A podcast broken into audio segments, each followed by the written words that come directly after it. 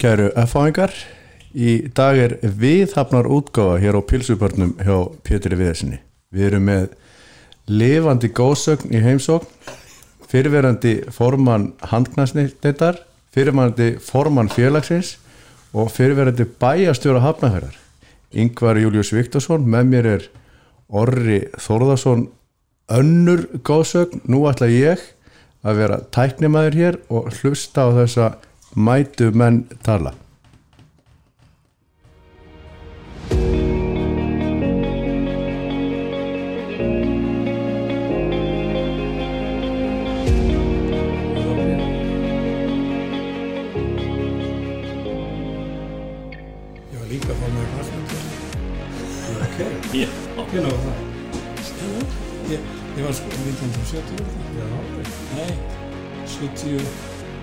69. Þá var ég varaforma handkvæmslega líka. Orri Þórðarsson og Yngvar Viktorsson hjartanlega velkominir.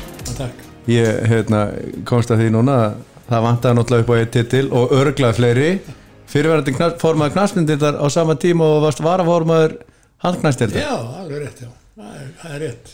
Og nú er ég bara heiðusfélagi Nú er þetta bara sem að þýðir takk fyrir og hætt að skipta af. það er eins og þegar menn gera stjórnmálmenn vera sendiherrar. Já, nákvæmlega. En þú er ekkert verið, verið formaður frjálsöldildar. Nei, ég var aldrei það, það eftir? Já, en á ég segja ykkur eina sögu svona sem er svolítið skemmtileg. Einu sinni voru Guðmundur Átn og Þorvaldur bróðir eitthvað upp á háalofti á pappa og mömmu og fundu úrklippur sem ég átti þar og þar sáu þeir sveinamestar móti Íslands í frjálsum írdum kúluvarp Yngvar Rektorsson Káar Ha? og þeir fóru með þetta helvítin á þeim, við voru þá í Flensborg og ég að kenna þar. Hengdi þetta upp á auglýsingartölunum Flensborg. En þetta var þannig að náttúrulega kemur kannski ekki FAV en þetta var þannig að í næsta húsi på Vífulstöðum þar sem ég fættist og hólstuð þar var formaður frjálsöðadeldar Káar og, og Íslandsmeistar í grindarlöpum og ég fór með hann og, og kastaði kúlu og að Káar Hvernig, hvernig gekk? Það gekk bara okkur, ég var seinamestar í Já, Þannig að þú 1950 og eitthvað. Leynir á þér? Já, nei, nei.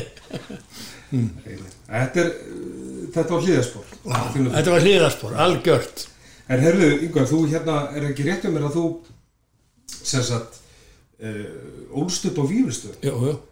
Ég er sko fættur á Vífilstöðum og er þar með e, búsettu eða þannig að lögheimili alveg þá til ég er orðin 21 ás sko. þá flytti ég í Hafnafjörðandar en ég var reyndar fjögur ár, 59 til 63 þá er ég ekkert á Vífilstöðum þá er ég uh, í Mennskólum Akureyri og, og sömurinn á síld og kom með kærustu og barn með þér ennþá í skólanum og, og þannig að það var bara að vinna og, og, og klára þetta. Og, en 63 þá kem ég aftur og, og kem í Hafnarfjörð og haustið 63 og fyrir að vinna hérna byrja að vinna á Brunabót með sem sagt er umbóðsmaður Brunabóta fyrir þessi Hafnarfjörði ég hef aldrei komið á skrifstofu nema bara skrifstofu skólamestara í Mennskólan Magrið eða þetta skaman með eitthvað. En þetta var mikið æfintýri það voru allir haffyrringar sem áttu fastegt og skildu tryggðir hjá Brunabót og ég kunni ekkert á dralið, ég svaf ekki fyrstu þrjár vikunar því að það var allt í steik á mér Þannig hefur lagt grunninn að, að pólitísku ferli. Já, ég náttúrulega hitti alla haffyrringar Já, nákvæmlega. Já, En hérna, sagt, þú, en, en e, þið gengur í skóla í Hafnafri. já, en Hver, hvernig kom svona síðan tengingin við Orri, FH? býtu, þetta er svolítið gaman þegar þú segir þið genguð í skóla í Hafnafjörði Við upp á Vífilstöðum vorum náttúrulega í Garðarheppi. Og þar var engin skóli. Þannig við vorum keirð í skólan Fyrst var það bara bóstjórun og Vífilstöðum, pappi eitt vetur. Svo bara nýjabilstöðin kom upp yfir fyrir klokkan átta sótt okkur og keirði okkur svo í barnaskólan eða Flensborg. Meðan hafðfyrringarnir voru að berjast á móti í snjókomu eða slittu eða einhverju svona þá stegum við bara út úr leigubíl og, og, og, og þetta var þrjálferðir á dag svona en það var það að sjá okkur fyrir skólan mm og þess vegna var þetta svona jú, jú, og, og ég er náttúrulega í bandaskóla hafnakarðar og það er náttúrulega kynnist ég hafðferðingum og, og hérna það er náttúrulega voru sömur hrættir svona til að byrja með sko að því við vorum frá Vífilstöðum mm. Berglarnir náttúrulega en svo kom bara ljósa að við vorum náttúrulega bólusett fyrir Já. þessu öllu og þurfti enginn að vera hrættuð okkur Já. en þarna náttúrulega stegum maður sín fyrstu spór í Hafnarferði og hitti strax félaga sem voru með mann alveg upp í Flensborg. Og það var eiginlega bara í bekknum var eiginlega sko þriðiflokkur FH, það að segja það var, var, þetta var í handbóltanum sko. Mhm. þá var eh, la- þarna, yngsti flokkur var þriðiflokkur það var engin fjóruði, 50 og 70 og 70 þá. En það, það hétt þriði B það var sama og fjóruði flokkur. Já. og þriði A var sama og þriði flokkur í dag svo kom annar og fyrsti flokkur og Hva, hvað voru gamli þá í rauninni? Já, bara erum- svona 12-13 eitthvað svona Já, við erum sko, ég, ég byrja 13 ára sko, ég gekk í FH, það, ég gekk í FH, það er náttúrulega svo merkilegt, það er, það er 1955, því ég er 13 ára. Þurftu menn þá að skrá sig í Já, þá skráði maður sig í FH Já. Og Hallsteinn náttúrulega var að kenna okkur sko. Og það var nú ekkert annað sem að tröflaði mann þannig, hérna, ekkert annað félag þá sem að, var svona í þessum yngri sko, mm. fór bara beint í FH og þessi strákar sem voru með mér í bekk, við vorum sex held ég, allir í, í, í þessum flokki sko. Og ég man alltaf eftir fyrsta leiknum sem við spilaðum það var ammælismót íjar inn í, í Hálóvalandi og allir flokkar þessir mestara fyrsti, annar og, og þriðji. Og Hallsteinn var náttúrulega með okkur. Og í þessu flokki mínu var, voru afbörða menn sko, ég var ekkert góður í þessu handbólta, ég var bara svona meðal maður sko, en, en þarna voru sko strákar sem að, svo Kristján Stefánsson sem var komin í A-landsliðið 17 ára gammal og, og, og hérna Laugi Gísla, Guðlaugur Gíslason sem var mjög góður, spilaði mestarlógin Gunnar Sigursson læknir, bróðir Einar Sigurssonar Já. sem var í landsliðinu Sigurður B. Þorsteinsson, hann er líka læknir, þeir eru bæðið læknar og hann er fæðir Irsu sem er heimsögt kona. Já, og hérna í markinum hann var Áskei Kristjánsen, hann átti heim í Garðarheppi eins og ég, hann átti heim upp í Ásbergi hérna, hjá Setbergi, var á Setbergsættinni og, og hérna maður má ekki glema hann einu sko, það- en, en þetta voru svona við vorum sex í bekknum sko, þarna, og, og hérna, já, já, þetta var bara alveg þrjumu gaman og Hallsteinn var með okkur. Og við förum hann í þetta ammælismót og erum náttúrulega svolítið taugatrektir sko og, og svona. Eh, ég man að, eh, að ég er svo gaman að tala um FH við vorum náttúrulega í hvítum bólum og svörtum buksum og við hefum fengið svona taumerki. Mm. Stimplað sko eða, prentað í, til þess að láta mömmunar sauma í búningana. Og mamma hafi saumað það hægra megin. En það er náttúrulega FH-merkið á að vera við hjartað sko. og hérna, ég var alveg öfugt við alla einum að ég skammaðist mér svo fyrir þetta. Eh, mamma reytaði inn og tók það bara og færði það yfir svo. en ég ætla að segja ykkur frá því sko, eh, Hallsteinn hvernig Hallsteinn var sko, hann var alveg einstakur maður í alla staði og hann hérna þegar hann kom í hálfleiki þessu leik þá stóð 14 þrjú fyrir okkur eitthvað svo leiðis það e- það var svona eitthvað þess að það sko. Og við vorum náttúrulega allir í skíunum inn í klefa kemur Hallsteinn inn og segir sla- s- þið er rólegir drengi minni, þið er rólegir, slakið á. Þið heyrðu það, þeir voru alltaf að kalla inn á með skúla, inn á með skúla. Og skúli er ekki komin inn á og þá sett, sátum við bara og, og þauðum sko þetta var sálfræði hjá honum, við unnum 28.6 held ég eitthvað svo sko. þannig að, að En skúli kom hann inn á? Nei, hann skúli kom inn og gæti ekki nei Æ, en þetta var fyrsti leikurinn og segir allt um Hallstein sko. hann var alveg einstakur kallinn hafði lag á því að koma mönnum á jörðina sko. og, og það svona til gotunum og hann var, hann var hérna þá leikumis íþróttakennaðin já, já, og, og þjálfari líka. já, það er hérna bara leikumiskennari þá sko. Já, og þjálfari ég Já. og hann, sko, ég þurfti náttúrulega að koma á æfingar setnipartin, sko. Þá var ég búinn að fara heim í Vívilstaði og þá var maður að koma sér sjálfur. Það fóreldrar keirðu ekki börnin sín á æfingar í den tíð. Og ekki heldur í skóla nema með frá Vívilstöðum og hérna, þá var maður að, hjóla niður á Hafnarfjörðaveg eða, eða bara alla leið eftir hvernig veðri var. Og ég man alltaf eftir því að fór svolítið í töðunar á strákunum aðferðingunum, ég mætti alltaf á réttum tíma og Hallsteinn notaði mig alltaf að segja þegar þau komu seint á æfingarna hvað, þú býr hérna 200 metrar frá yngvar er výfstöður, hann, komin á undan þér.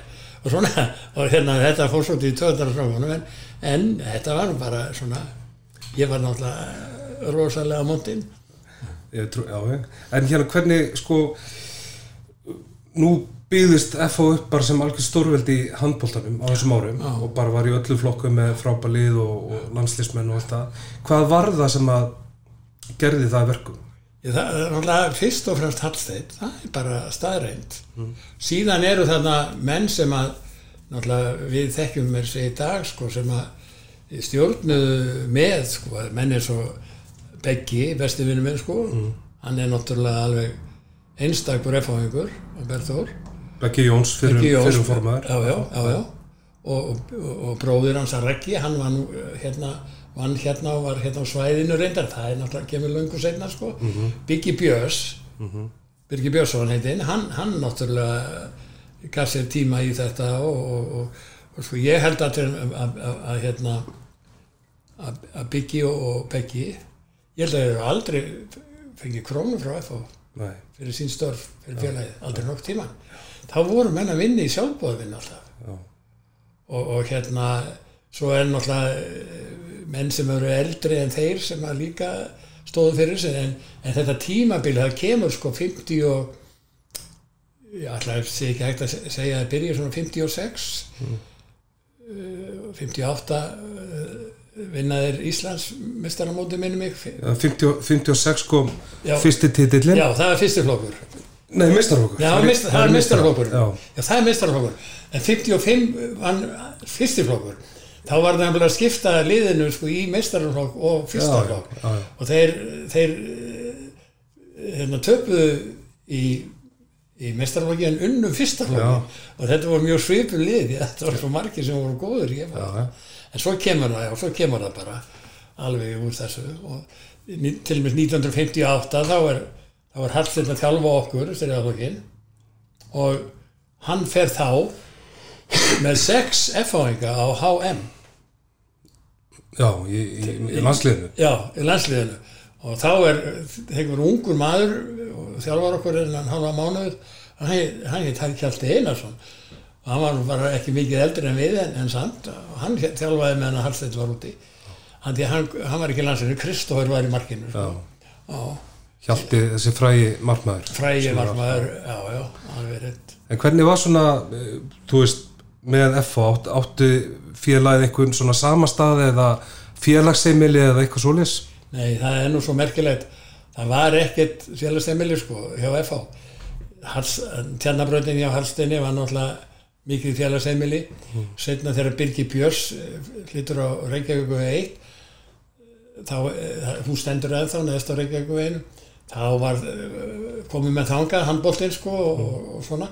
Það var ekkert engin aðstæða og ég held að fyrsta aðstæðan sem fengum var í svona, ég var í mjölkufélagshúsinu sem var hóttin á Öldugötu og, og Lækjargötu, þar fengum við eitt herbyggju, þar var, voru ákveðlega um okkur og svo þegar ég var brunabót þá var byggt þennan frekt hús í Hafnafjörði eða það var ekki byggt, það var sett framhlið svona Hollywood hlið á strandgötu 45 það var gert fyrir mig að því að, að það var svo þröngt orðið á, á skrifstofunni. Og þar þurftum við ekki að nota brunabót nema neyri þenn og við F-fóðingarnir fengum að nota efrið þennan bara frýtt sko, og vorum þarna svolítið tíma. Og svo, svona var þetta en síðan, síðan náttúrulega kom kriginn senna. En, en með fótbaltan, byrjar, þú, var, voru líka fótbaltaðingar? Já sko ég er ekkert í fótboltanum því að, því að hérna, það var IBH náttúrulega eða KRH knastundur á Hafnarfjörðu eða Viljarsvöld Hafnarfjörðu og e, það var keft í fótbolta í Hafnarfjörðamótum Já. en ég er ekkert í fótboltanum fyrir en ég sko, að því að ég er fer sem sagt norður 59 og er þar fjögur ár í burtu. Þannig, þannig misti ég náttúrulega handbóltanum alveg sko í fjögur ár. Og, og hérna síðan er ég á sjó og sömurum bara og fyllt og, kem ekkert í fótboltan fyrir en ég kem aftur 63 og 3 höstuð í bæinn. Já. þá hérna þá gerist það einn daginn eins og ég kæft hérna út í eitt. Einn daginn að koma þrýrmennin á brunabót og hérna það, ég þekkti það alla. Og það var sem sagt þeir bræður Berður og Ragnar og Biggi Björns. Og þeir fóru að spjalla við mig og spurði hvort ég væri ekki þá sami F-áingurinn og svo frá mér sem frá mér jú, jú, ég held það nú. Þannig með var ég bara aftur komin í já, og, og síðan gerist það í februar 64 að, að maður fer á fulla ferði í FA og hefur semst bara helgað FA líf, líf Já, svona, ég var að spurður að því í den, sko, það er svolítið, já, já, það er ágætt að láta það hlýti. Hvort ég væri giftum koninni eða FA, sko. já, já, var spurt að því. gift, gift báðum bara Já, nákvæmlega. já. en hérna, komstu þá þú komst tilbaka 60, og- 63-4 þá ertu rétt rúmlega tvítur komstu þá bara strax inn í stjórnunastörf eða, Já, sko, eða já. þjálfun eða Já, ég, ég er náttúrulega kem í bæinn, var fyrst í Vestmanni, sko, konan var frá Vestmanni og þar ætlaði ég að setja stað og hérna eh, vinna sem kennari og vera á sjó og svo framvegis. En svo eh, fekk ég ekki kennslu í skólanum í, í hérna í Vestmanniðum ekki, ég vildi sko vera í gagfræðarskólanum ekki bandarskólanum og þannig að við fórum hingað til Hafnarfjörðar og leguðum í Fagrukinn og, og ég fór á Brunabót og, og svo þarna FH var náttúrulega alltaf í, í innst inni hjá mér í, í Karmínu sem er bók sko útskrifstabókin fyrir stúdent á Akureyri. Já, þar stendur yngvar er í FH og FUJ stendur. Því að þegar ég kem norðursöka ég veit ekki hvort það má fara í lofti sko. Jú, það. Já, já, þegar ég kem norður þá náttúrulega eh, ég, ég byrjaði strax í þjálfaði Þór í fjóra vetur, sko, þriða frá Þórs á Akureyri og, og, og fekk mér sér að borga fyrir það já, já, Já, það var, það var svolítið gaman að því en ég var náttúrulega að kafi í íþrótafélaginu og í skólanum og, og minn bekkur vann til dæmis handbóltamótin öll, alla fjóra veturna og svona Já, já. en við dög, við vorum að, að, að tala um hérna e, Jú. 50, eh, þegar ég kem aftur í bæinn Já, hana, já. og hérna og þannig í Vestmanni þá æfði og spilaði með, með Þór já, og, svo framins en, en, en eh, ég, nú er ég alveg komin út að tala þa- um þannig að þú er bæði runni þjálfa Þóra á Akureyri og spila með Þóri í Vestmannu já, já, það er heldur já, það það er alveg rétt já já. en, en sko þegar ég kem aftur hingað þá þá Shanghai að þeir eh, Beggi og Raggi og Já, já, þeir sjanga ekki mikið, hugurinn var alltaf náttúrulega, já. já. Ég ætlaði að segja ykkur þegar það sem mætti ekki koma fram hérna. Það var náttúrulega það að þegar ég kem norður í skólan, 59, þá var náttúrulega fullt af strákur sem er í, í íþróttum, flestir náttúrulega á skýðum og svona sko, en allstaðar af að landinu já, og hérna, þá var Hafnarfjörður þekktur af tvennu. Það vissu allir um tvennt í Hafnarfjörði. Það var FH og það var Gulli.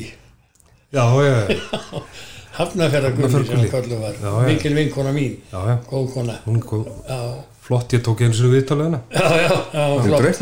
Já, Já, og flottur gulli alveg eindisleg. já, frá, frábær. Já, en hérna, já, já, þetta, þetta var nú svona, að, hérna, eh, en, en handbóltinn var náttúrulega sterkur í mér og, og hérna, svona, en, en, En þarna svona uh, upp úr uh, 63 já, fjögur og 1964 já, þá verða svona tímamóti fótbaltanum í FH já, það það var merkileg tímavót, sko. já, þá, þá ringdi FHI bara í, ég held að vera 17. februar 1964, þetta er merkilegu dagur að það var spurt hvort að FH ætla ekki taka þátt í Íslandsmótinni í fótbolta og þetta kemur mjög óvart í að það var búið að vera IBH allan tíman þá var haugarnir tilkynnt þáttöku í öllum flokkum í knaspinu en ekki látið okkur vita að því þannig að við vorum, þetta var síðasti dagurinn sko.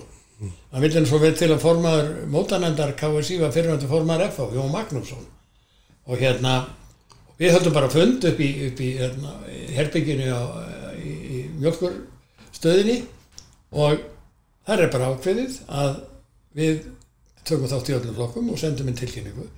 Og það var sem sagt, við spilum fyrst í öllum flokkum í fótbolta FH 1964 og þetta er náttúrulega stórmörkulegu tími og þá endur ekki við sko knaspinu deild FH og það er sko 1960 og 3-4 stendur hérna í bókinni. Og ég ætla bara að lesa upp þá sem eru þarna sko. Það er, það er Átni Ágústar, formaður. Ragnar Magnússon, Raggi Magg. Bergþór Jónsson Ævar Harðarsson, Vigfús Ævar Harðarsson um dáinn og, og, og þeir eru reyndar dánir Ragnar og, og Átni Yngvar Viktorsson Hjörtur Gunnarsson og, og hér, Sigur G. Gíslason. Við erum sem sagt á lífi eða þá við beggi af þessum öll og við sýtum þarna 63, 4, 5, 6, 7 8, 9 og 70 og, og ég er formaður hérna 69 þá var það átni að hætta en þetta ár var líka að vara nei handkvæmsteldarinn og Einar Matti sem var formaður og gerist eh, þá formaður HSI þannig ég verið sjálfkrafa formaður hérna, tekst sætið hans að því að vara formaður einu veginn já, já, en svo hætti ég í hérna knarfundendinni já. en er reyndar eitt ári viðbútt og átning kemur aftur 1970 og, og hérna síðan er ég formaður handkvæmsteldarinn í 11 ár. Þannig að, þannig að við eh, byrjum þar á fyrsta fótballtanum að þarna er rauninni er að koma upp kynnslóð í FH já, uh, hérna tölum fyrstu strákana það, með þú veist Vitti, Leifur, Óli Dan já, Janus. Nákvæmlega. Og dýri og þetta er já, sakar sko, sáuðu strax að þið hef, voru með svona efni við, við þessi stjórntenna sem var að lesa upp. Tók bara þá ákvörðun að við skildum bara spila í mestarlokki þessum að gætu en við skildum byrja á fymtarlokki þá var komið fymtirlokkur mm. og það voru þessi sem vorst að nefna. Við fengum sérstakann þjálfara fyrir þá innan Reykjavík. Við fengum eh, sko fimmleika kennara Höskuld. Mann ekki hvað svona Höskuld Karlsson. Hann var, fengum hann til að, að, að, að taka þá í fimmleika þessa stráka upp í Kato í, Íþróttarsalnum í, í Já, já. Kato upp á Suðugötu og þar voru þeir held í tvisar í viku sko í fimmleikum Mm. og við lögðum all, alla áherslu á þetta sko. Og enda auðvitað þeir góðir sko. og, og, og, og náttúrulega eh, við vorum ekkert að hugsa um mistarlókin þegar við veru ha- byrjað á réttum enda Já, nákvæmlega, byrjum á réttum enda. Og heldum því striki sko, alveg reynd og þetta, þetta gekk rosalega vel og við vorum mjög við vorum náttúrulega anskoti duglegi líka þessi stjórn sko. Og vorum á kafi öllu í þessu og, og Raggi var náttúrulega með dómarapróf, hann dæmdi æfingaleiki og, og, og var að þjálfa og Berðþór náttúrulega eins og hann er bara í öllu sko. Og Átni Ágústar náttúrulega yfir okkur svona og með, með sínar hugmyndir og drauma og, og, og hérna og, það er hann til göttan hann hafði hann hafði strax svona háleitar hugmyndir. Já, já. hverjir voru draumarnir? Hugmyndinar þær voru nú þannig sko að, að við hlóum náttúrulega að þessu fyrst sko. Hann var mikill Rangers maður Glasgow Rangers og þegar hann var komin í stuð sko með eitthvað þá sagði og Glasgow Rangers á þetta að spila hérna. Og það var hann komin þá var komin kriki sko hérna malagöllu bara og, og við hlóum náttúrulega að þessu en, en Rangers hefur reyndar ekki komið hingað en Dundee kom. Ha, en Dundee kom Já, náttúrulega já, spilaði- Döndi og, og móður, nei og hérna hvað hérna hérna sem við spilum við? Já, já, Æ, já, já. Dönfarmlin, við spilum ekki við já, Dönfarmlin já, sko, já, já Tommy Nílsen skoraði með hendinni. Og Já, já. Aston Villa kom hérna náttúrulega líka? Já, já, en já, já, þannig að sáhlar Bert sem síðast lær já, já, þetta var nákvæmlega. Sko, við, en Átni var hann var mikill sko, fótboltar spekulant sko. hann, vann hjá KSI til dæmis og, og, en hann var fyrst og fremst mikill spekulant og draumamaður um það að, að væri hægt að gera FO að stórveldi í fótboll já. en þessi hérna þessi vinna með grunninn, hún áttu nú að geta að skila einhverju, þið fóru náttúrulega með þessu stráköp í efstu deild og Já, já. spiluðu byggarúslit 1972 við nákvæmlega, eigamenn, já, já, ekki satt? Jú Manstu eitthvað eftir þeim leik? já, já, já, ég maður vel eftir þeim leik. Ég er nefnilega nokkur sem við fengið að heyra um hann sko. Pappi spilaði. Jú, jú, og, En aðal vandamáli var eða ekki leiktímin já. Var ekki sísengað ég held sko, ég man ekki hvort að þessi leikur sem var spilaður í oktober Jú, Jú, Já. gott ekki Landhelgisgæslan þurfti að sækja já, EM-inn já. og ég man að ég, við vorum með bjellið. Og þegar ég kom þá var ég í Norðursjónum sko, á, á síld. Kom bara heim í oktober þegar skólinn byrjaði, hann byrjaði nú ekki í oktober þá. Og, og hérna þá var átti bjellið þetta að spila eitt leik og ég man að ég spilaði þann leik á melavellinu, mann ekkert á móti hverju. Ég held ég mér að segja, ég man ekki hvort að, að þeir, hvernig þetta var nema það, ég man bara eftir því að ég var með harspyrur í fjóra daga eftir að leik ég hef ekki leift mig nema bara um borð náttúrulega líft kössum og svona en, en, en hitt var algjör kvöl og pína. Það var aðeins basláðir eftir, eftir leikin já, það var alveg rosalega en þessi strákar sko við hugsuðum vel um þá og gerðum, gerðum svakalega flotta hluti. Og, og hérna og fengum gamla káar þjálfara sko í káar til að, til að þjálfa. Ég man skömmaði að ég man ekki hvað, hvað hann heitir núna en það kemur nú bara já. Þannig að kannski leggiði kannski grunna því sem að, sem að mér er ótt uh, hérna þykja engina FH að svona þessi keðja af félagsmönnum og þjálfurum Já. sem að heldur sér bara áfram nákvæmlega því að þessir- og allt strákar allt þetta var alltaf í sjálfbáðalisveinu sko. Já, allt saman sko. og, og hérna menn voru bara í þessu eh, bara til þess að taka sem dæmi bara einhvern tíðan sko, sagði ég þegar ég fór maður handknasteldarinn sko, þá ofböð mér alveg hvernig Byggi var að vinna í þessu sko, og, og hann ringdi sínu síma og allt hvað eina, það voru náttúrulega engar tölfur eða, eða neitt svoleiðis eða farsímar. Og það var, sagði hann sko að það náttúrulega þýtti ekki að tala um að borgunum laun sko, en sagði böðum að borgunum síman alveg, eiginlega móðgæðist bara. Ha, en Þetta er, svona var þetta. Ha. þetta er ótrúlega en, en hérna, segjum mér aðeins frá uh, kappakrika svæðinu Já. það, bara, það, það er ekki rétt að mér að það uppbygging hér hafi hafið svona á sjönda áratunum Jó, sko 68 held ég að ég, ég er nú ekki með þetta alveg klátt í kollunum en, en 68 held ég að við séum að vinna hérna og sprengja hérna. Já. bara hérna undir okkur sko. Og það fóru allar helgar. Maður kendi, kendi reyndar á lögutum sko. Mm. ég kendi á lögutum í Lærborg og, og hérna og eftir hátíð á lögutum og sunnundum þá voru við hérna að sprengja. Bóra og sprengja. Bara með höndunum bara. Já, já, já, já. Kall sem að stjórnaði okkur og svo var sprengt og, og grjótið fór sko stundum upp á álfarskeið sko, það voru blokkinnar að rýsa þarna fyrsta blokkinnar já. En, en það, þetta gekk En hvernig, hvernig var svona í- hérna, Hérna? á þessu svæði? Var ekki, var ekki hérna var, var ekki svona dí hérna eh, bara í rauninni það sem að stúkan er og það sem gamla félagsemili var? Já, það er sko þar var lækurinn sko hana, Hamarskotslækurinn heitir hann Já. sem var rennur til sjávar í, niður í bæ sko. Já.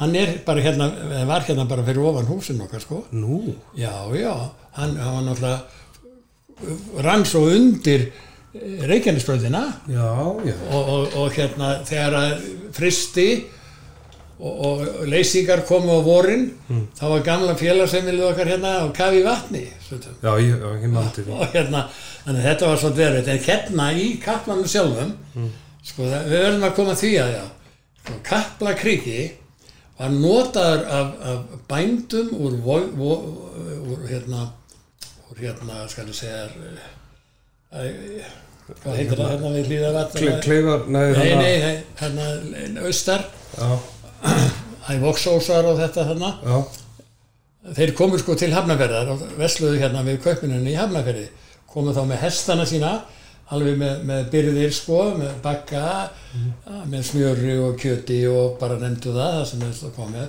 og komu með það selvójur, heitir þetta. Þeir komu náttúrulega niður selvóskatt göttuna þess já. heitur hún selvóskatta sko. Ég lapp, uh, gekk, gekk einmitt þessu guti fyrra í, í miklum hrakningum. Já, já, já. Já, já, og hérna svo fóru krakkar inn í bæ hérna.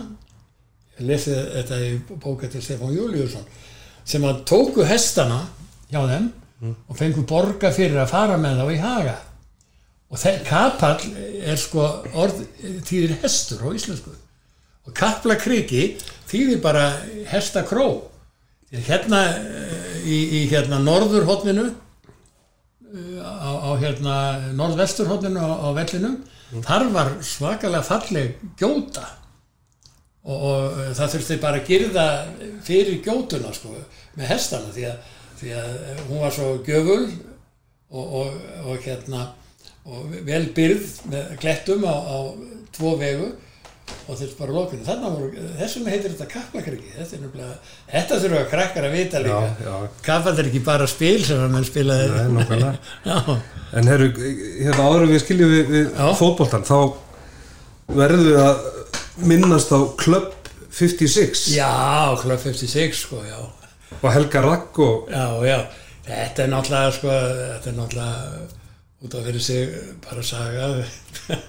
Þannig var náttúrulega ég, ég, ég skil, skil, skil við konuna mína og hún fer til Vestmanneja og, og, og hérna og ég eh, hérna, við seljum hús eða íbúðin okkar og, og hérna ég fer að- leita mér að íbúð og kemst í hérna fæði leikt hjá hjónunum Mörtu og Böðuvari Sigurssoni á Ringbröð 56 og þetta er á besta stað í bænum þú serði við höfnina, þetta er alveg óbúslega fallegur staður. Og ég var bara með hæðina sko, götuhæðina, alveg. Og, hérna þau voru upp í eh, risinu sko. Og, og svo var kjallarinn reynda líka. Og þetta sko við höfum talað áður hérna um aðstöðuleysi FHG að hérna þegar að þetta gerist 1970 sko að þá e, verður þetta bara að félagsefili sko. Það verður og þau hjónin voru indislega hjón þau höfðu bara gaman að þessu sko. Og þegar það var eitthvað að vera að ske hjá okkur svona með, með stórum stöðum sko þá, þá hérna komu þau alltaf, böðu þeim alltaf til okkar og þetta var bara skemmtilegt aldrei neitt annað. Og, og þarna sko bjó til með Pat Quinn hann bjó hjá mér sko. Og þá var ég líka á sjónum sko niður í Norðursjó og hann, hann var hjá mér og svo fór ég bara í sjóun og hann var þarna og, og, og, fleiri reyndar og alltaf bara frýtt og, og hérna FH bara nöyt þess og eh, frægust voru nú þessi partí sko og þetta fekk nafnið Club 56 og, og tíma bjó Helgi Ragnars í, í kjallaranum, í Herbyggi kjallaranum. Það var sumari sem Pat Quinn var sko og, og hérna það var alltaf glatt, glatt á hjallikringum Helga. Já, alltaf mjög glatt á hjalla í kringum helga. Og bara F-hóinga á þessum árum. En hérna, já, já.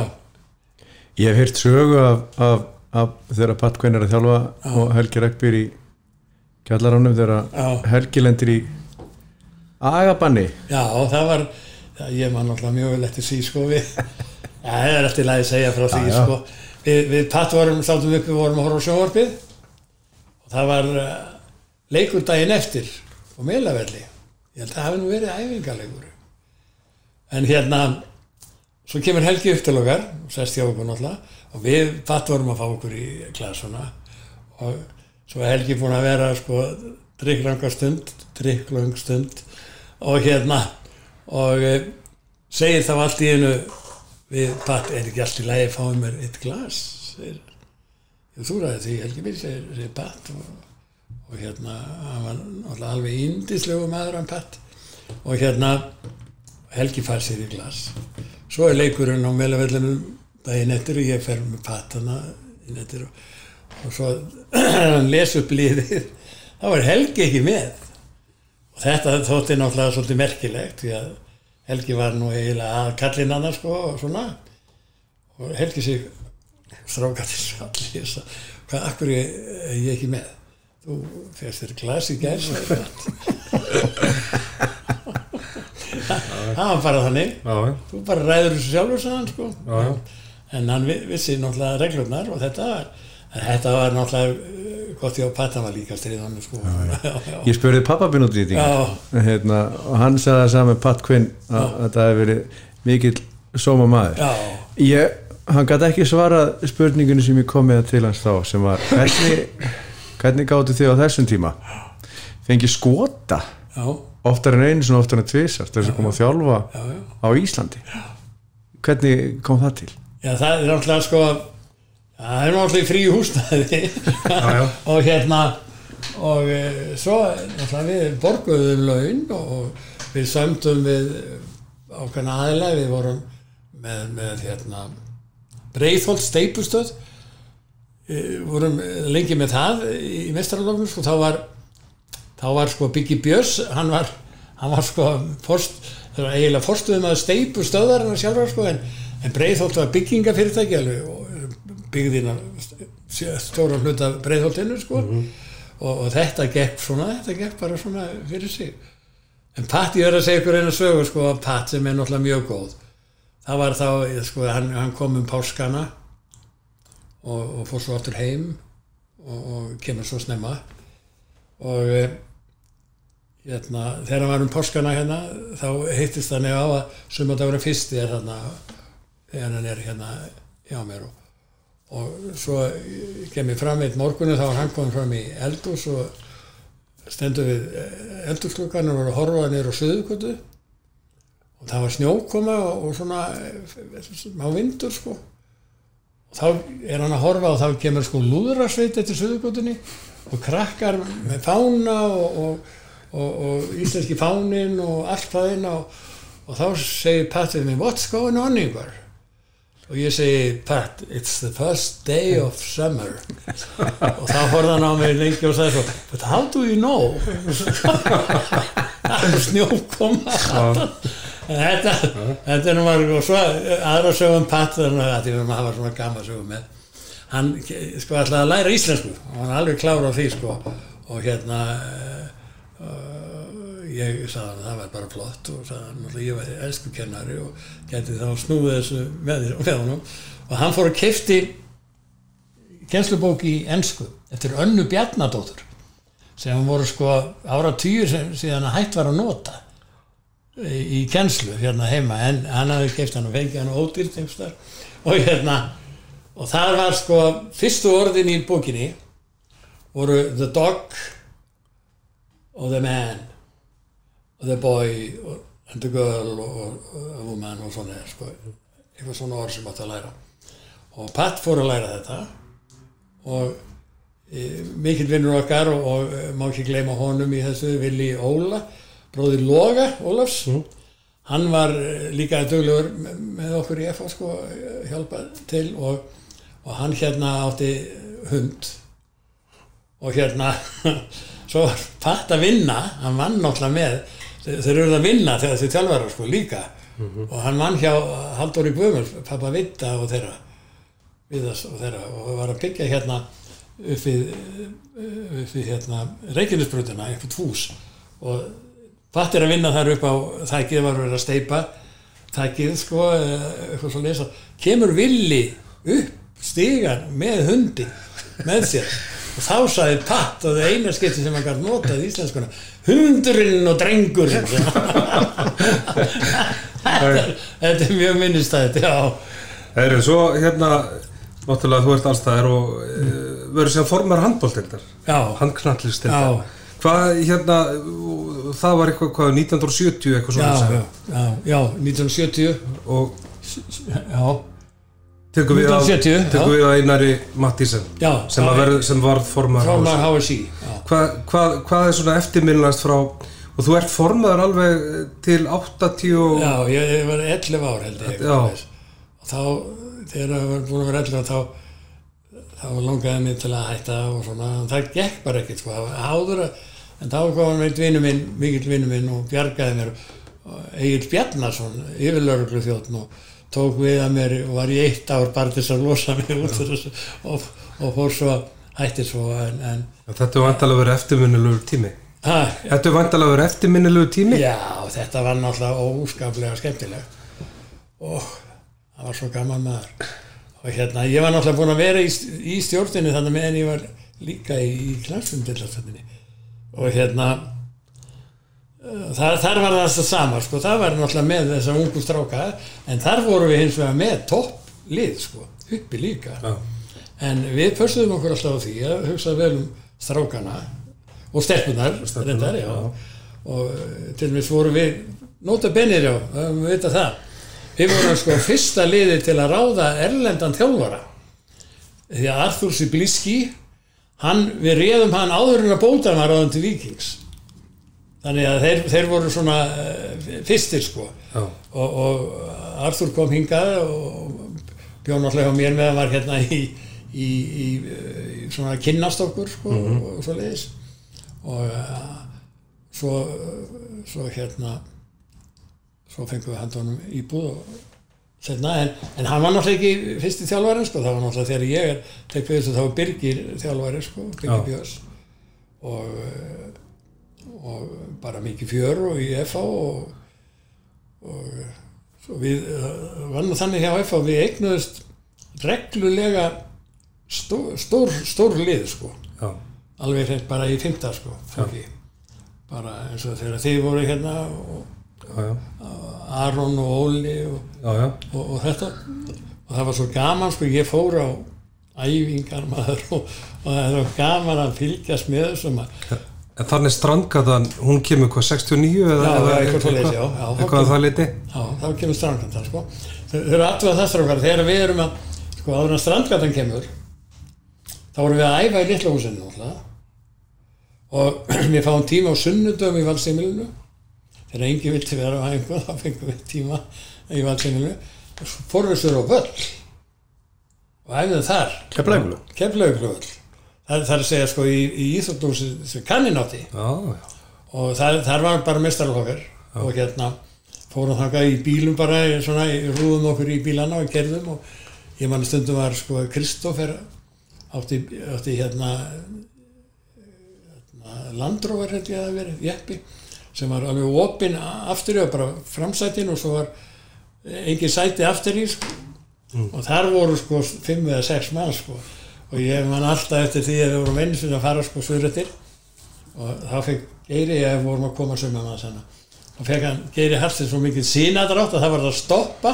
Það eru allir að fara út sem voru aftur í þess að Geiri geti rétt úr löppinni. Það voru allir í gengan aftur í.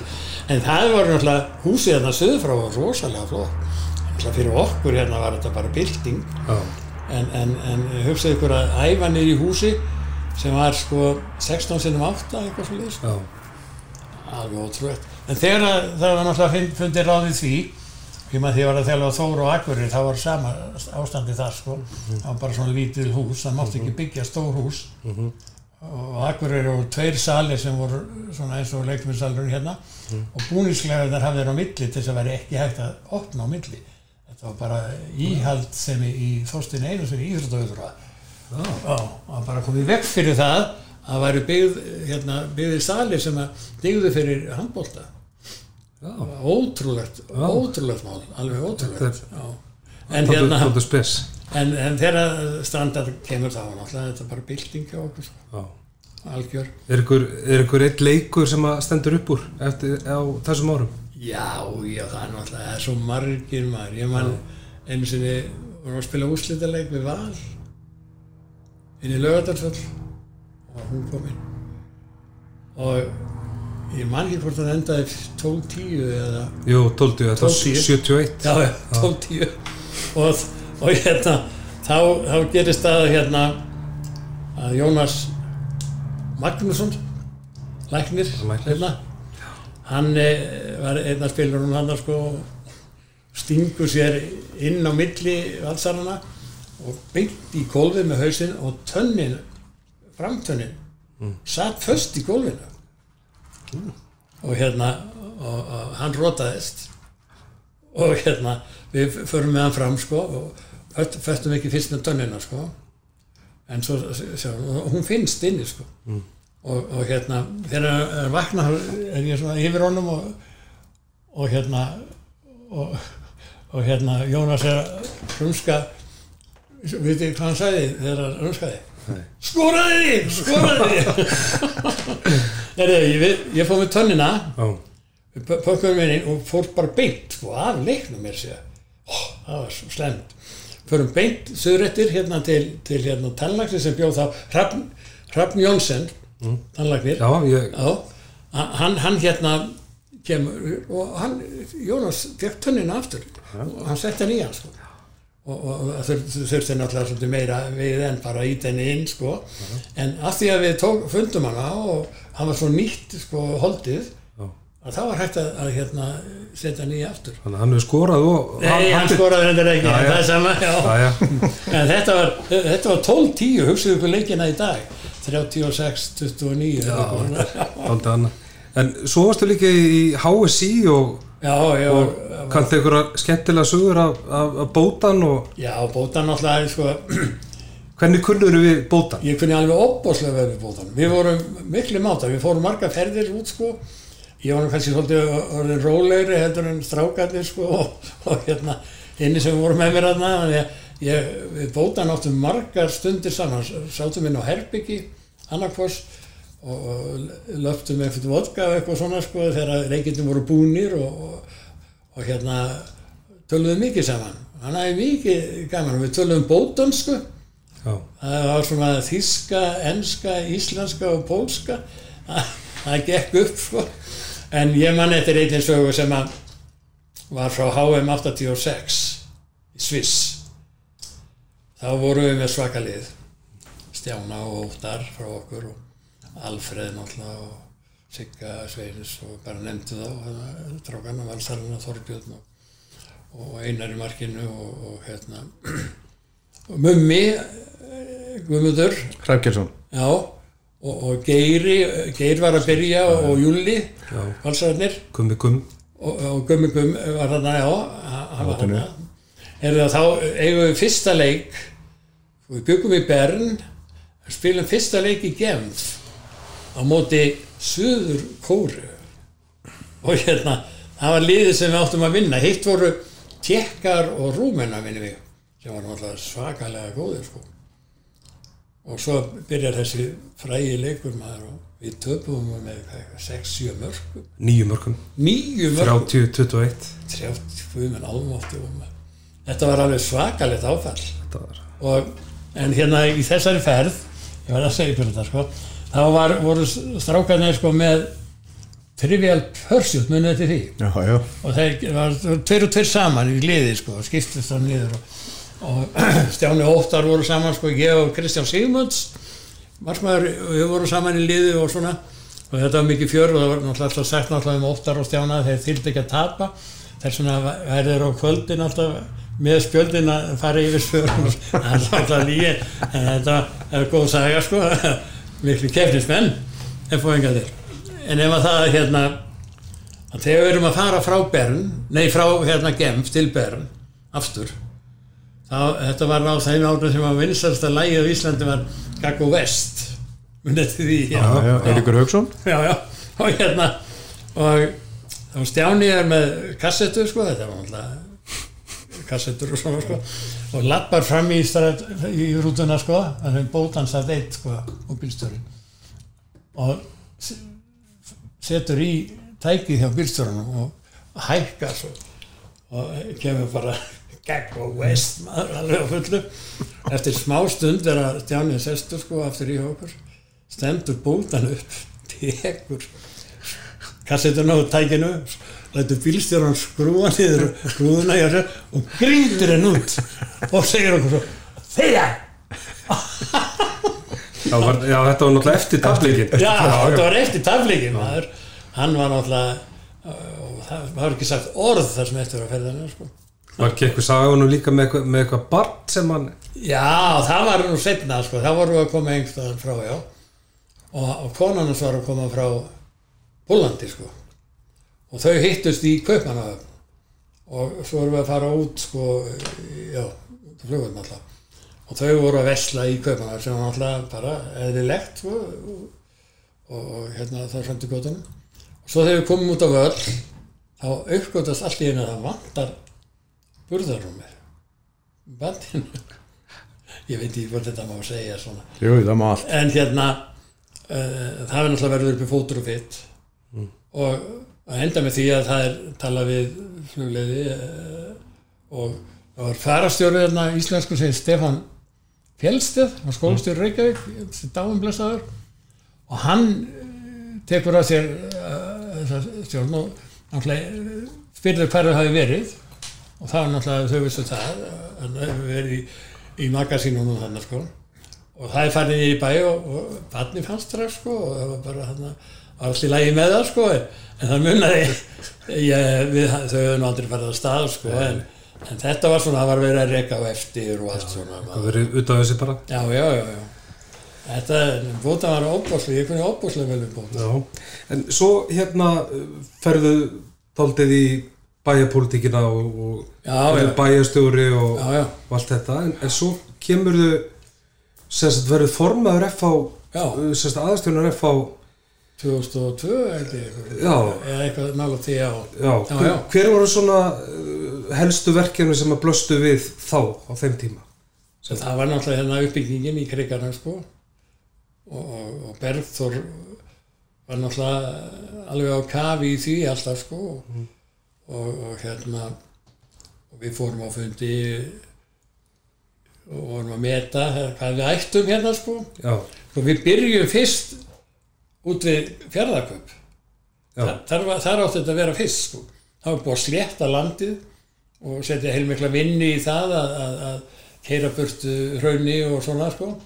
en þá kemur ljós sem einhver skipulagi að eh, hérna uh, Áltanesvegurinn sem að byrja nú hérna fyrir ofan okkur bara fyrir ofan uh, hérna Helga í Góðu hann átti að fara þarna yfir í Engidalinn sko og þá yfir þarna uh, það sem er og svo síðan var nú hættu þetta sem betur fer því þetta er miklu betur staðir hérna sko, hitt var skjólaust alveg sko.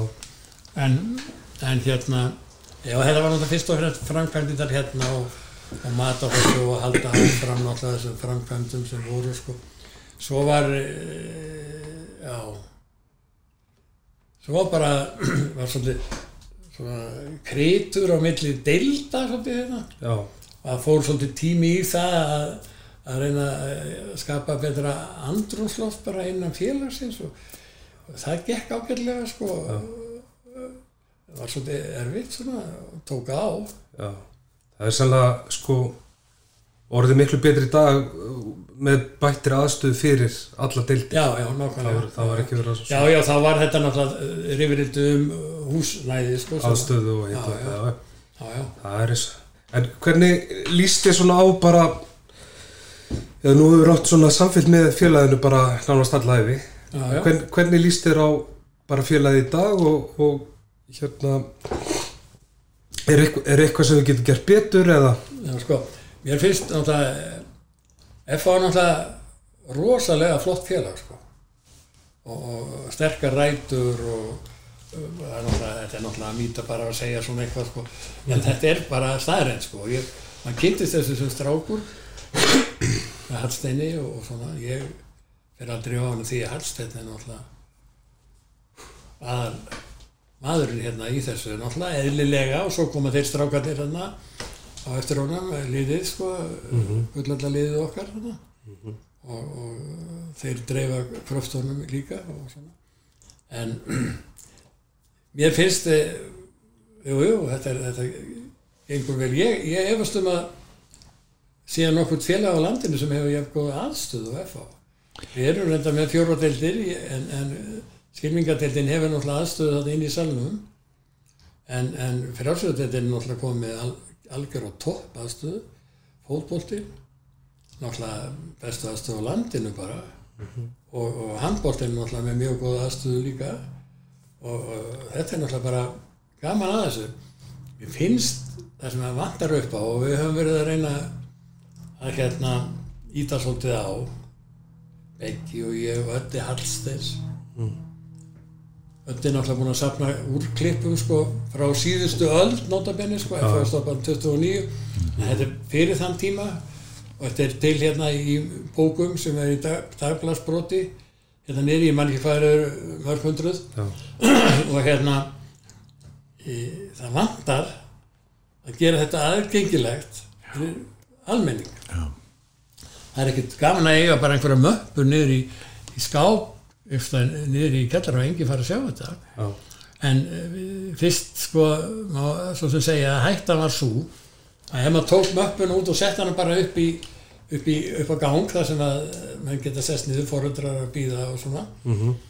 þá voru menn að, rífa úr þessu og svona eitthvað svona. Þá voru kannski ekki fyrst símandi komnir menn voru að taka myndir og að þessu sko og svona Já.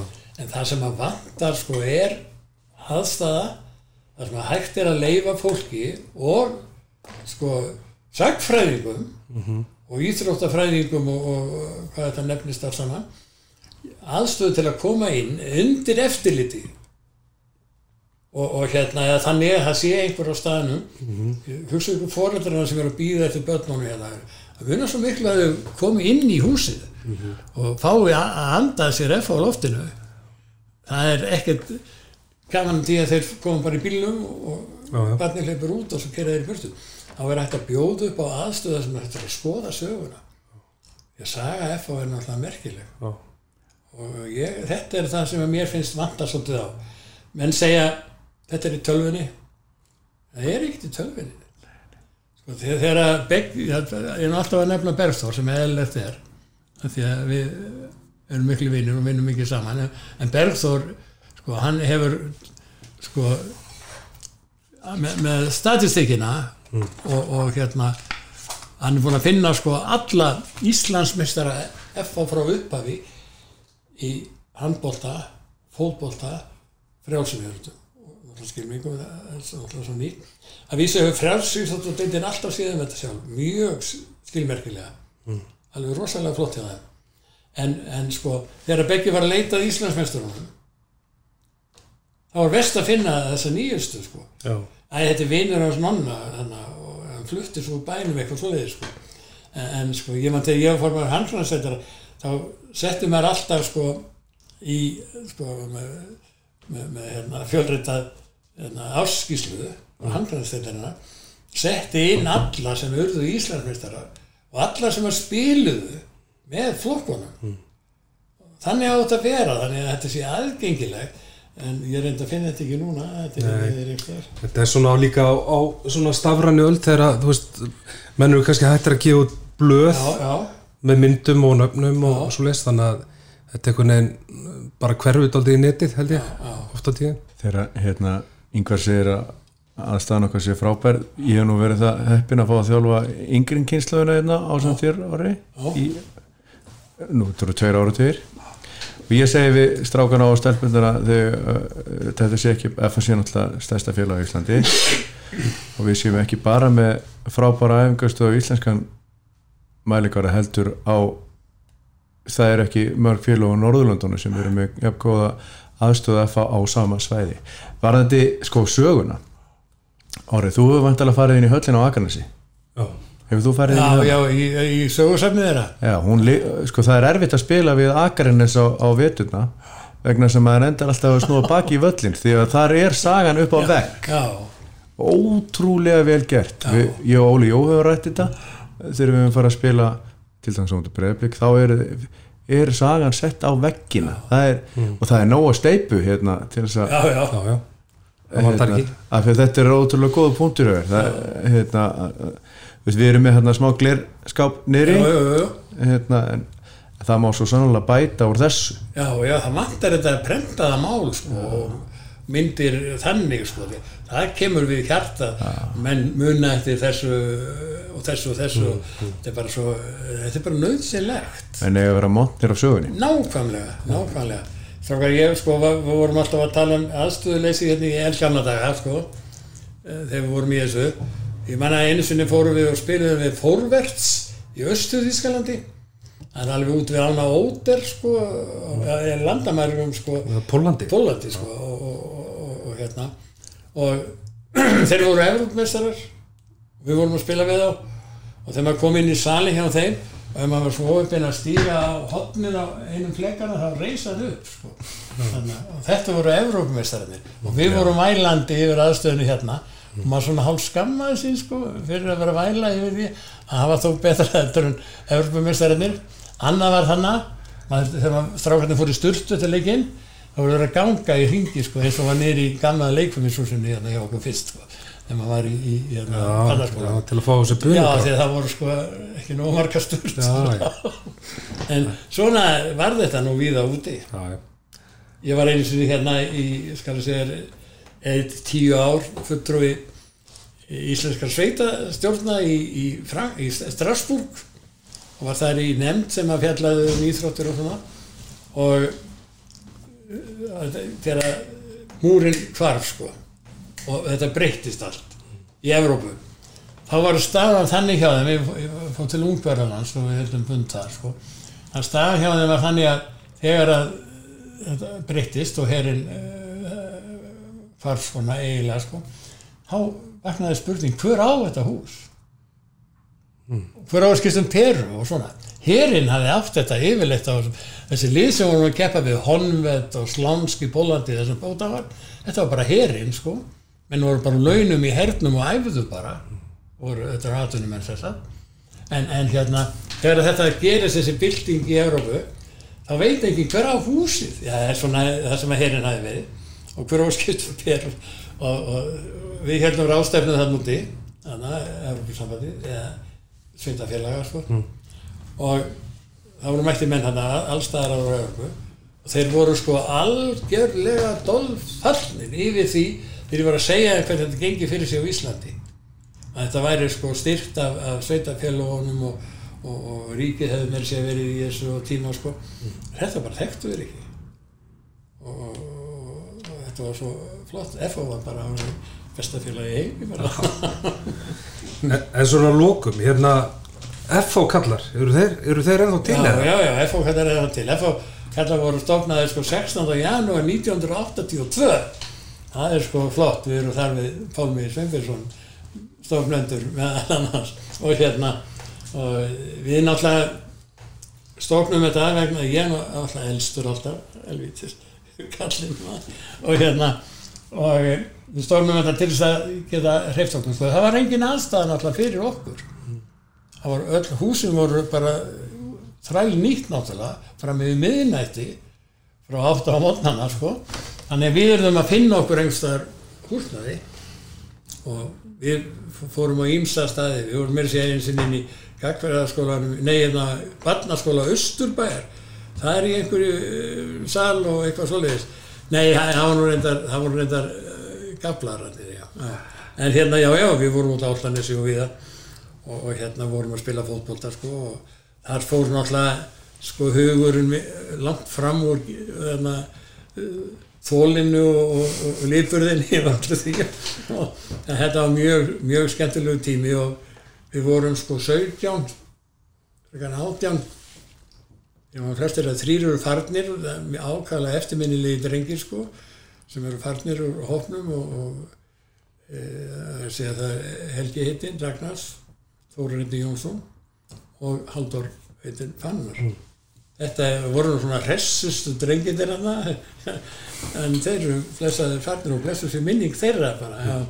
en hérna við erum til en þá og við hittumst núna helst bara til að fá okkur einn öllara saman og, og ræða og það er, ég, mynd, ég ætlaði að halda fund hérna í, hérna í Kaflakrika í næstu viku en ég, ég er búin að lofa mér ykkur öðru þar þannig, já, já, við hittumst reglulega og við spilum golf og, og, og hérna, við höfum farið á leiki ellendis og, og eh, já, já, fórum einu sinni á Tottenham Leeds þegar Leeds var ríkandi mistar og Tottenham vann á 4-0 við sáum það. Okay. í bóði Guðna Bers.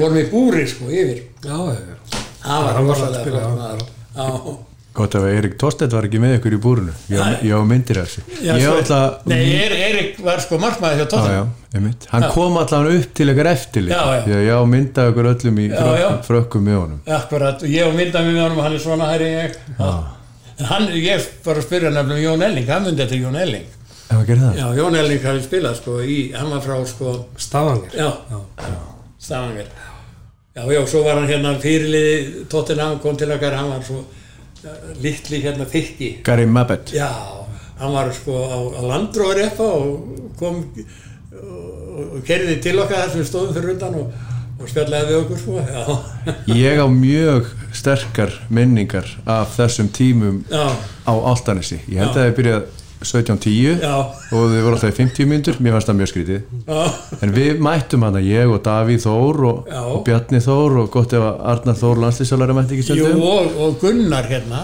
Áskesson, þá fekk maður að klæða sér búning. Nei ekki Gunnar Áskesson hann hérna sem var meistar í nei hverju var hann? Í, í, í karate eða karate, svo- svona hann sérna geira. Já, við fengum bara að fylgjast með einstakir sem fengum að fara með inn, á. En þetta var, í minningun er þetta þannig að Þóri frendi. Jóns var alltaf á móti Vittahall, þeir voru ekki saman í liði.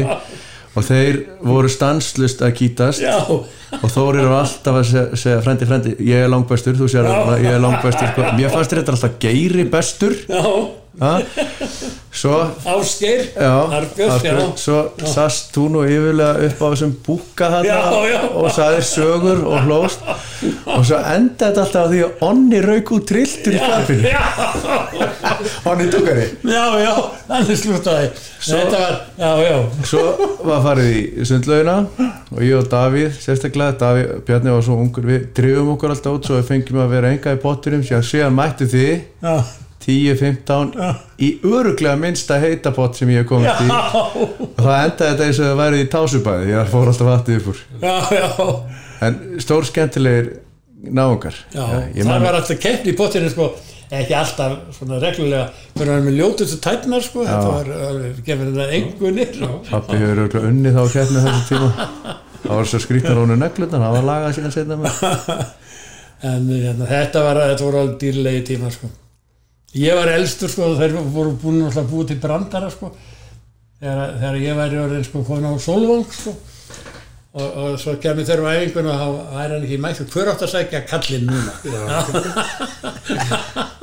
Þetta þetta var jókurinn það eru miklu höfðingir hérna ég, eins og ég segi, ég man alltaf eftir að mér fannst Áskus svo góður Já. sennilega fyrir að hann því Eh, svo fannst mér dýri líka alltaf mjög góð Já, leikmaður dýri mjög, þetta voru náttúrulega, það voru náttúrulega eh, bara flotti leikmenn maður. Á einhverju tíma held ég að hann væri skildur rút gúlit Já, út af hárinu út á árin, já, Afró já, já, já, þetta er, þetta er alveg dillegt.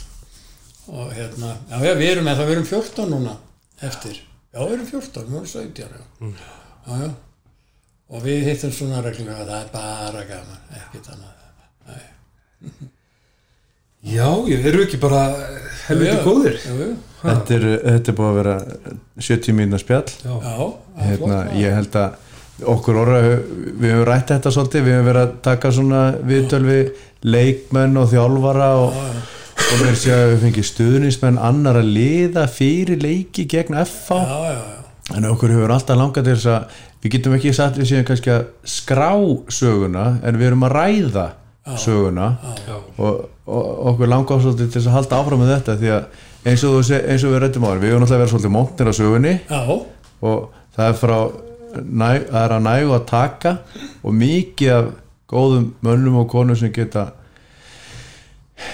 skráð þetta því að þetta, þetta er allt til á vefnum. Ég ætla að segja ykkur eina sögu núna, má ég það núna? Já, já, hún, er, hún er hérna úr Evrópuferð í handbóltanum og það er svona up to date e, nafnið á staðnum sem við fórum til spiliðum við Evrópumestara í Rúslandi en er núna í Úkraínu Zaporótsja borginn hana og við fórum, það gerðist svolítið merkilegt í þessum túr sko. Í fyrsta lagi þá flugum við náttúrulega til Kaupanafnar og síðan til Moskvu og gistum þar á hóteli þar sem að Kiljan hafi skrifað eina bókunum sínum. Og þegar við stöndum fyrir utan liftuna eftir kvöldmatinn varum að fara upp á herbyggin allir saman. Og ég hafði ekkert haft samband við hérna sendiráðið eða neitt þann úti. Örd Steinsen hérna þekkjum hann eða fáingar hann sá alltaf um utanlandsferðina fyrir mig. Og þetta var náttúrulega mjög marga ferðir. En þegar þar sem við stöndum fyrir utan hérna liftunum og erum að býða þá heyrðum við að se- segja kona fyrir aftan okkur hvað? Sparisjóður Hafnafjörðar í Moskvu? og við rökkum í gút maður og þá hafði Sveit Bragason hérna verið í, í hérna æfingatreyjunni og með auglýsinguna aftan á frá Sparisjónum og þá er þetta kona sem er eini Íslendingurinn í Moskvu á þessu augnabliki fyrir utan okkur og vissi ekkert af okkur. Hún var með að koma frá því að fara út á flugvöld með, með samstagsmanni man, sínum og, konu. Og, og kærasti þeirra var með, með, með sko, hún var að fara til Íslands en hún var ein eftir og þetta var náttúrulega til þess að við förum upp á Herbyggi með, meðan allir saman og bara sem að segja okkur sögur mm. og þá kemur við ljós og hún er frá Eskifyrði en hún byrja á þessu þetta er mesta tilvíðinu sem ég veit um sko. mm. og við förum að tala saman hana, og hún er og þá er hún frá Eskifyrði þetta er est, Estrid, ekki Astrid þetta er Estrid Brekkan og hérna þá segi ég við hann já hann hann er frá Eskifyrði, það var bjóð á Eskifyrði og þá fara Svenni og hún að tala saman þá var hún passað Svenna hann var smábarn á Eskifyrði Já, ok. og, og það var hann sem var í Sparisjóður Hafnarferðar í hittast í Moskvu. já, og tíu miljón manns þarna sko, á sveðinu sko. Og, og svo, þetta er bara tilvinni svo fyrir við í leikin og þeir eru náttúrulega Evrópumestarar eða urðu Evrópumestarar sko. og hérna mjög svakalið, við vorum búin að spila við þá hérna heima og töpum held ég fimm hérna heima og tíu út eða öfut, ég manna ekki.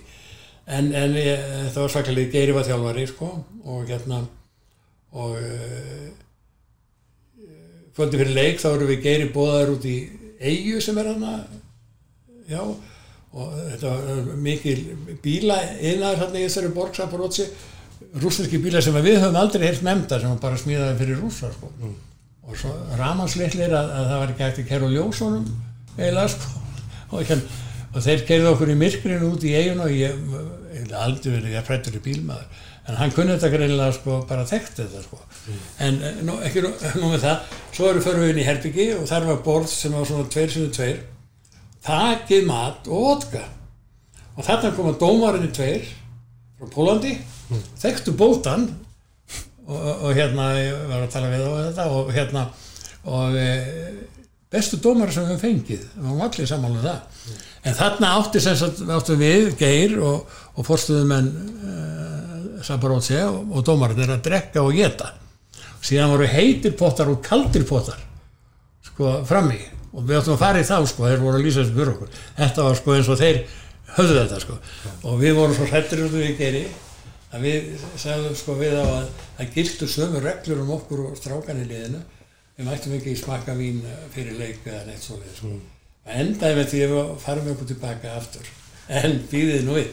Nú kemur það sem er nú sárast að segja því að þetta er orðið úgræðin þegar við erum búin að spila leikin þá er okkur bóðið í mat náttúrulega hérna, eðlega með ánliðunum og, og hérna á hótelinu þar sem við byggum og svo ég, það voru sko, það var vopnaði vörður á öllum hæðum. Tveir kallar sem sátu þar bara hermenn og ég hafði verið að spjalla við þá svona bara að spyrja þá einhverja spurninga þeir skildur svona hrafli í ennsku sko. svo þegar við erum að borða þá þar finnur átna að fara upp á herbyggja þess og, og ringa mér og segist alltaf bara hlaupu hann kleipt eitthvað uppi sko. svo kemur hann niður kemur hann niður aftur hérna og, og hérna og það sé ég á hann bara það er eitthvað, eitthvað sem hefur gerst er það var búið að stela öllu sem var Adidas og Gallafussur og stela fyrir einsta herbyggi. Hansi Guðmunds hann var bara með tannburstasinn ég alveg talað. Og hérna og ég náttúrulega fyrir fram og tala við verðina. Þá skildu þeir ekki orð. Þeir voru náttúrulega með í þessu líka sko. þeir náttúrulega var ekki tækt að fara og taka þetta nema þeir vissuði af þessu og Hansi hann hafi fengið svona vasa leirvasa sem var svona hátt í meter svakalega flottu vasi. Og Hansi kom með hann fram hend honum í veggin fyrir ofan laurugluna, herrlaurugluna ríkt honum í veggin og hann sprakk þeir reyður sig ekki gæðir. Þeir eru um bissu sko.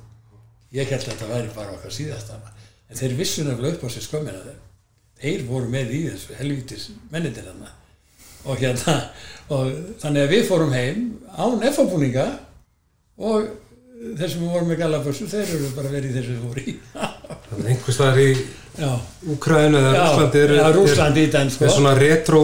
FH Adidas fann en ég kerði þetta náttúrulega Mm. til Európa-sambansins strax og við komum heim. Og ég fekk engin svör frá þeim til að byrja með og, og ítrekka þetta og þá sögðu þeir að rúsnarnir væri að, að vinna í þessu og það gerðist að Saporósi fekk ekki að taka þátt í Európa-kjörnum næst ár. Okay. þannig að þeim var hengt fyrir þetta sko. Já, já. en við fengum aldrei búningana en, þetta var þetta var eftirminnilegt. Sérstaklega líka tilviljur með Svenna og þess að konu það er mjög spes. Og svo þegar við vorum í Sviss 86, þá var hún konið sendiráð í Sviss og okkur var bóðið í mat á sendiráðinu og hún satt náttúrulega við borðið hjá okkur F-fáinguna sko. það verður svona grúp, grúpja Yngvar yes, Viktorsson þakkaði kella fyrir komina Já, takk fyrir mig. Horri, frábært eh, handritið þér. Það var, já, bara fílitt margar blassina handrit sko. Já, hérna ég í lokinu við viljum þakka pilsubarnum og, og auði dóttir Kviku fyrir að styrkja þetta hlaðvarp. Þanga til næst áfram FH